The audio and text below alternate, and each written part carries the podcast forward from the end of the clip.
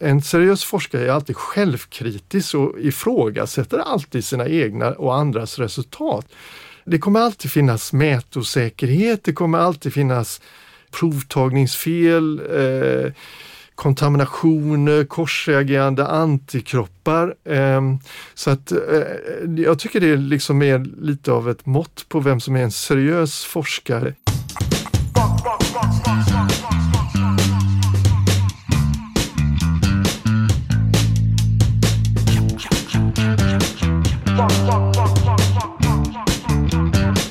Välkomna till Akademiliv, podden från Salgrenska akademin som görs av oss kommunikatörer vid den medicinska fakulteten Göteborgs universitet.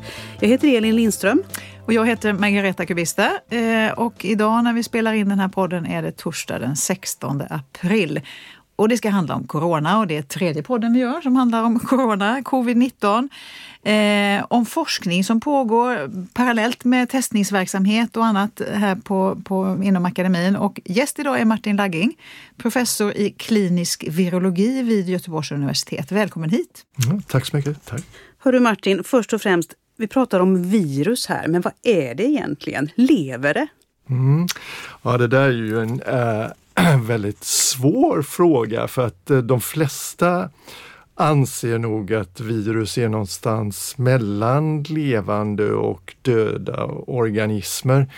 Ehm, det, det, är ju, eh, de kan ju se ut på väldigt många olika sätt och eh, men grundidén är ju att i en när det är utanför en organism eller en cell så är det en partikel som har en kärna bestående av arvsmassa eller nukleinsyra som oftast är DNA eller RNA.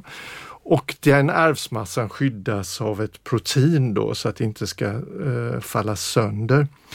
Och utanför en cell eller annan organism, då är den inte aktiv, då är den i princip död. Då. Och den har ju ingen egen ämnesomsättning utan det är först när den kommer in i en annan organisms celler som den sätter igång och styr om ämnesomsättningen inne i den organismens celler så att den bildar nya små fabriker inne i cellen kan man säga vars syfte är att producera nya viruspartiklar då, som sen ska komma ut och infektera nya celler och helst nya organismer. Då. Och virus är ju inte alltid av ondo. Vi hade ju inte varit människor idag utan eh, virus. En stor del, om inte majoriteten av vår arvsmassa består av gamla utsläckta virus som har integrerats in i vårt genom och har lett till att vi har blivit människor. Och en av de bästa exemplen som har kommit fram på senare år är det här med eh, moderkakan, placenta. Eh, för de första däggdjuren de hade ingen placenta utan det har sannolikt kommit i samband med att en av våra förfäder för miljontals år sedan blev infekterad av ett retrovirus som sen integrerade in i genomet och sen så har liksom evolutionen lekt med den genen och, och ändrat den lite grann så att den har då utvecklats till att göra att våra avkommor får näring i livmodern.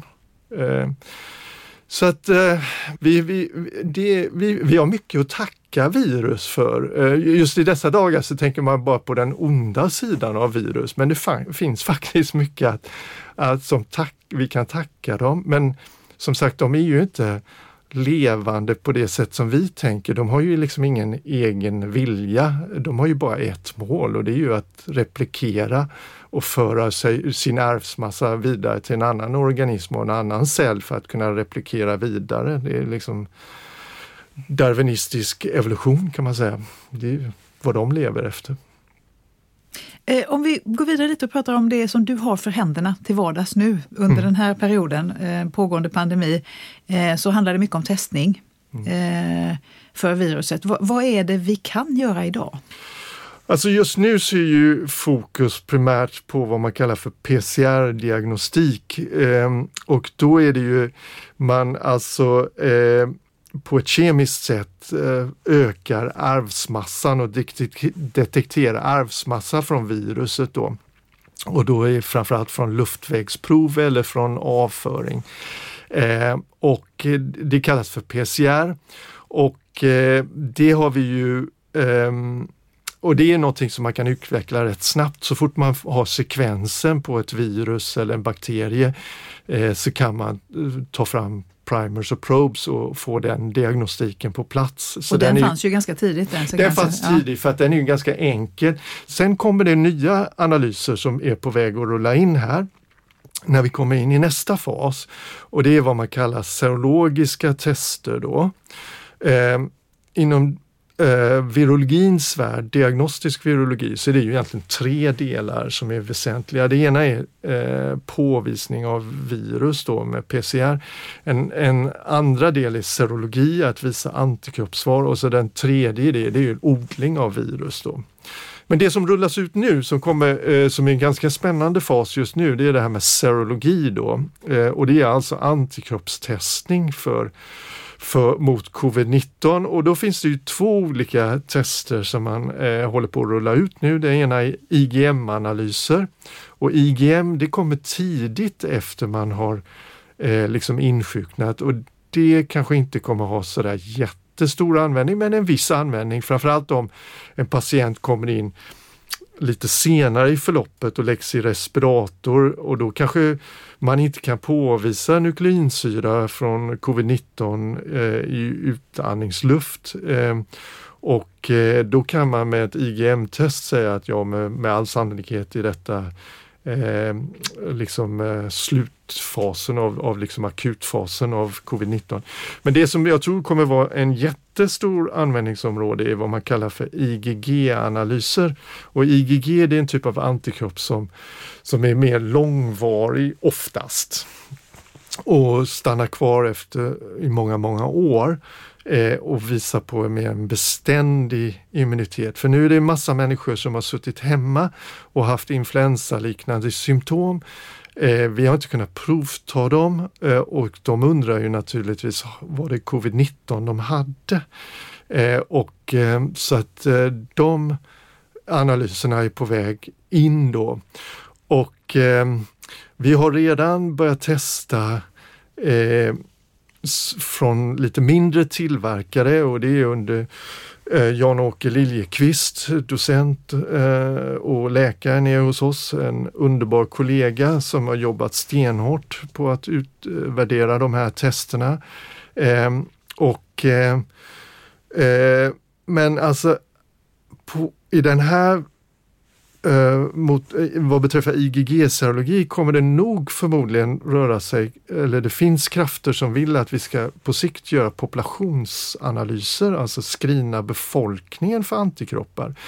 Och då måste vi köra dem på instrument som har enorm kapacitet. Då kan man inte köra på små instrument utan då måste det vara de stora robotarna. Uh, och de stora företagen håller nu på och rulla ut sina analyser. Och eh, i den bästa av världar så, så visar det sig när man mäter sådana antikroppsnivåer att att eh, de som har en infektion eller haft en infektion, de, de har höga nivåer av antikroppar.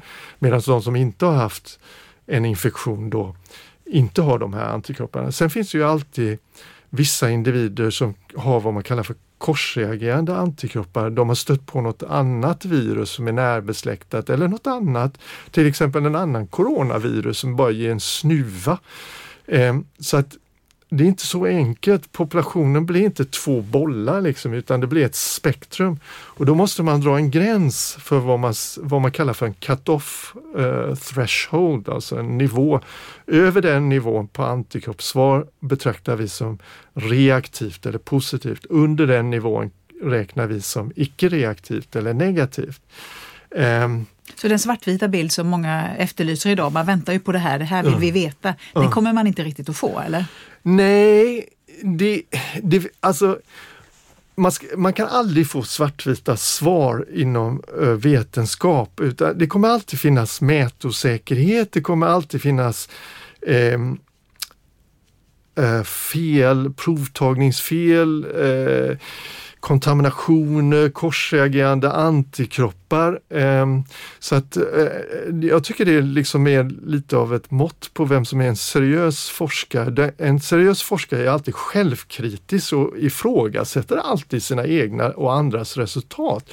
Ehm, de som ser världen lite som svart och vitt, det, då ska man vara lite försiktig med att liksom ta, ta, lite med en nypa salt det, för att världen är oftast inte så. Det finns, man kommer aldrig ifrån det. Det finns alltid mätosäkerhet. Även om vi försöker, om man är seriös och man jobbar stenhårt så försöker man minimera det så mycket som möjligt. Men det, alltså att få det ner till noll, det, det kan man aldrig uppnå. Men vi vill ju då i den här situationen, vi vill ju undvika den situation var att äh, att vi får ut falskt positiva antikroppssvar. Att det går ut ett svar till en individ att ja, vi har kunnat detektera antikroppar hos dig. Eh, när det i själva verket inte är så. För då kan den personen eh, utgå ifrån och tro att de är immuna och utsätta sig för faror. Till exempel, låt säga det är brist på ansiktsmasker på en vårdavdelning. Då kanske den som tror att den har antikroppar mot covid-19 säger, ja men ta ni andra, ta ni först, jag tar sist. Eftersom jag har skyddande antikroppar så, så klarar jag mig ja men hallå, om, om det där var falskt positivt så kommer den personen exponeras och kanske exponeras för jättedoser virus och vi vet att smittdos är viktig här. Det har ju varit unga läkare och sköterskor utan några riskfaktorer som har dött i covid-19. Så att det, det, man får ha respekt för det här viruset då. Så vi vill inte absolut inte generera falskt positiva resultat. Hellre att det går åt andra hållet, att vi ger ett falskt eh, negativt svar, att någon som faktiskt har haft covid-19 och eh, har lite grann antikroppsbrus, att vi säger ja men vi kan inte det, heller det. Så att den individen utgår ifrån att man inte har haft det och, och tar skyddsåtgärder än att vi ger ett falskt positivt eh, svar och det är det jag försöker förmedla till industrin. Och sen måste vi också ha backup-tester som konfirmerar de tester som vi, preliminära som vi screenar med så att vi ökar säkerheten att när vi levererar ett svar att ni har antikroppar så ska det vara så säkert som det går att, att, att få. Och det, det, det kommer ju, evolutionärt blir det bättre och bättre och bättre ju mer kunskap vi får. Men, men vi tänker ju försöka i alla fall nu eh, Eh, göra allt vad vi kan då för att eh, då få en möjlighet att köra stora volymer på antikroppstestning men samtidigt leverera så säkra svar som det går att få. Så att inte folk får, får eh, falska eh, förhoppningar. Och sen, sen är det ju en massa frågor som återstår att se, till exempel skydda de här antikropparna? Förmodligen gör de det, men det är ju en extrapolation från vad vi vet från andra sjukdomar.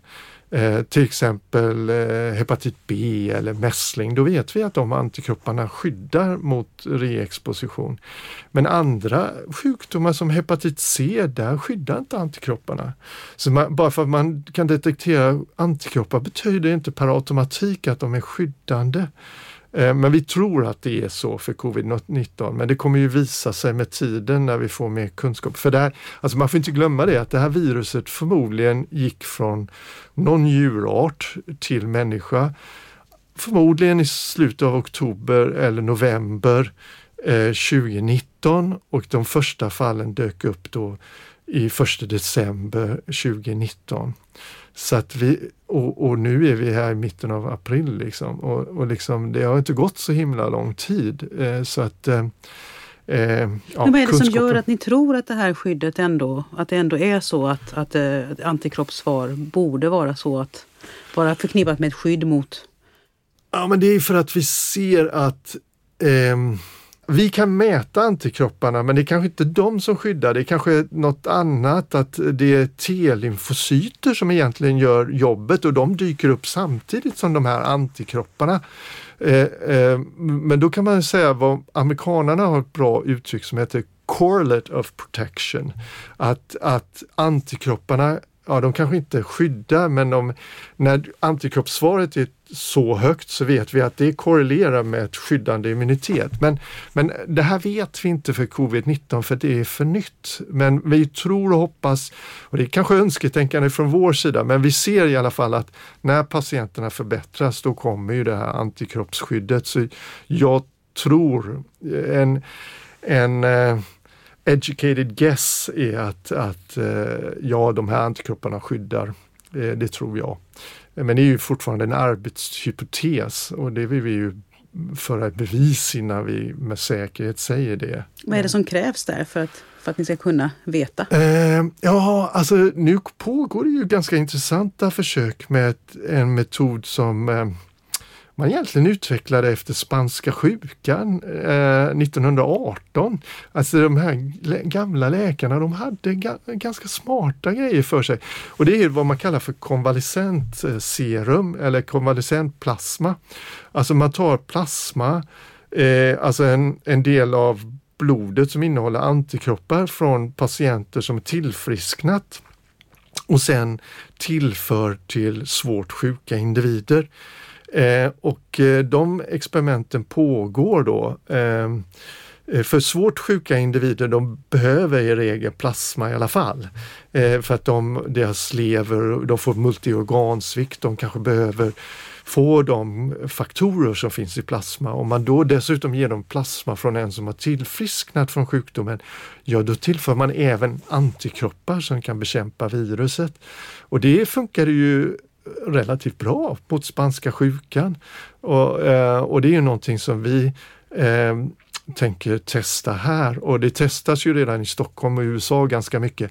Problemet är ju att man måste ju ha tillräckligt många i befolkningen som har genomgått infektioner för att man ska kunna då eh, utvinna plasma från dem och de ska helst ha gått tillräckligt lång tid från det att de har tillfrisknat. Så att, eh, men det, det kommer, eh, den typen av eh, eh, eh, åtgärder för att förbättra. Så kunskapen liksom ökar ständigt kring det här. Så vi blir bättre och bättre. Mm. Så vi har kanske inte alla svar nu men vi kommer ha mycket mer svar framöver. Det är ju fantastiskt intressant tycker jag att höra eh, om det här med eh, alla de här osäkerhetsfaktorerna kring det här mm. med, med testningen. Men då undrar man ju genast, kan man, kan man lita på de här proverna? Kan man lita på provsvaren som kommer från Göteborg till exempel? Ja, alltså jag tror eh, det finns alltid en mätosäkerhet som jag sa. Det finns alltid risk för labbkontamination och så vidare. Men, och, och, en riktigt bra laboratorium är alltid självkritiska och ifrågasätter alltid resultaten. Och det, det kan jag lova er att det gör vi i Göteborg. Vi har ett enormt duktigt team där nere från liksom BMA hela vägen upp till läkare och alla är självkritiska och ifrågasätter alla resultat. Så att innan vi skickar ut ett svar så har den filtrerats i många led och bekräftats. Så, att, så att, men, men 100% säker kan man ju aldrig vara och jag, måste, jag vill ta det här tillfället i akt och, och verkligen tacka att jag får vara del av det här fantastiska teamet som jobbar där nere och folk jobbar verkligen dygnet runt nu och jobbar 150 procent, alltså mycket mer än vad som är rimligt. Frågan är bara liksom hur länge de kommer mäkta med det här. Det här är ju en verksamhet där, där den kliniska verksamheten och forskningen går in i varandra, att det flätas ja. ihop på ett sätt så att det går liksom inte att se vad som är vad längre. Men om man försöker att titta på forskningsdelen och förutsättningarna för forskning, hur skulle du säga att de är här i Göteborg? Ja, alltså vi är ju unikt lämpade i Göteborg. Vi har en otroligt bra eh, eh, tradition av vad man kallar bench to bedside forskning, alltså att eh, vi har hypotesdriven forskning både i laboratoriet och eh, i kliniken. Alltså man, man tänker, man kollar på till exempel livscykeln av virus och så tänker man, ja men det där just det steget ska vi försöka angripa, för det där kan vara en akilleshäl för viruset. Och då försöker man utveckla en antiviral mot den. Och sen har vi jättegott samarbete med infektionskliniken för att de flesta av läkarna ner på virologen är också infektionsläkare och många av oss jobbar även på infektionskliniken så att mycket liksom av det som vi till, hittar på labbet åker väldigt, väldigt snabbt ut i klinisk tillämpning. Jag vet att du hade ett projekt på gång nu under våren som du mm. har fått eh, sätta pausknappen på som gällde eh, TBE. Alltså jo. möjligheten att kunna behandla TBE med antivirala läkemedel. Det var liksom grund mm. i detta. Men det har du fått sätta paus för. Ja, och det är inte bara jag som har fått sätta paus. Eh, I princip all klinisk forskning har ju eh, fått pausa nu för att i dagsläget är ju inte läge att gå till sjukhus om man inte är svårt sjuk. Alltså är man inte svårt sjuk, stanna hemma. För om man inte var smittad innan så riskerar man att bli smittad när man tar sig till sjukhus. Så, att, eh, så all klinisk forskning i princip står på paussituation nu. Ehm, och eh, Ja, för egen del så hade vi ju tänkt att eh, vi, hade ju, eh, vi har kommit väldigt långt att bygga upp en ehm, infrastruktur och nätverk för TBE-forskning. Och det har ju fått eh, liksom eh, ja, stå åt sidan nu. Eh, och jag vill passa på att uppmana alla för att i år tror jag vi riskerar faktiskt att få en, en rejäl explosion av TBE för att eh, nu uppmanas ju alla att gå ut i den friska naturen. Och, men det finns ju andra saker som lurar i den friska naturen, bland annat fästingar. Eh, och, eh, så att det kommer nog vara väldigt många som blir fästingbitna i år eh, på grund av att vi uppmanas att röra oss i naturen plus att det varit en väldigt mild vinter. Så väldigt många fästingar har överlevt vintern. Och sen den tredje faktorn tror jag också är att just nu är folk lite rädda för att ta sig till sjukvård och kanske drar sig för att immunisera sig mot TB. Eh, och det tror jag är viktigt att om, om det är dags att eh, få en boosterdos av sin TBE-vaccination, passa på att gör det.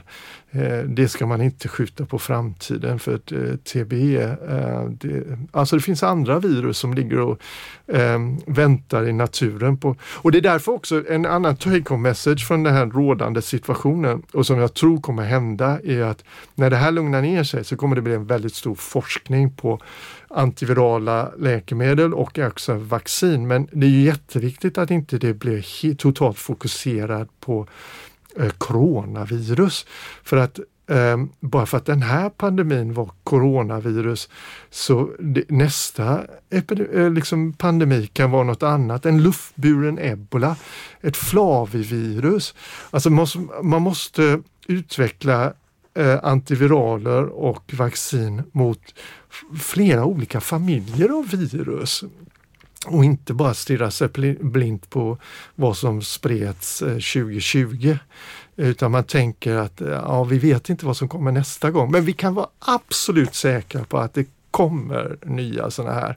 Eh, nu trodde ju folk att nej, det som hände spanska sjukan, det kunde väl inte hända. Och vips på bara nolltid så är vi i en motsvarande situation. Eh, jag, jag hade själv inte kunnat eh, drömma att eh, liksom i november att i april skulle vi sitta i en sån här situation.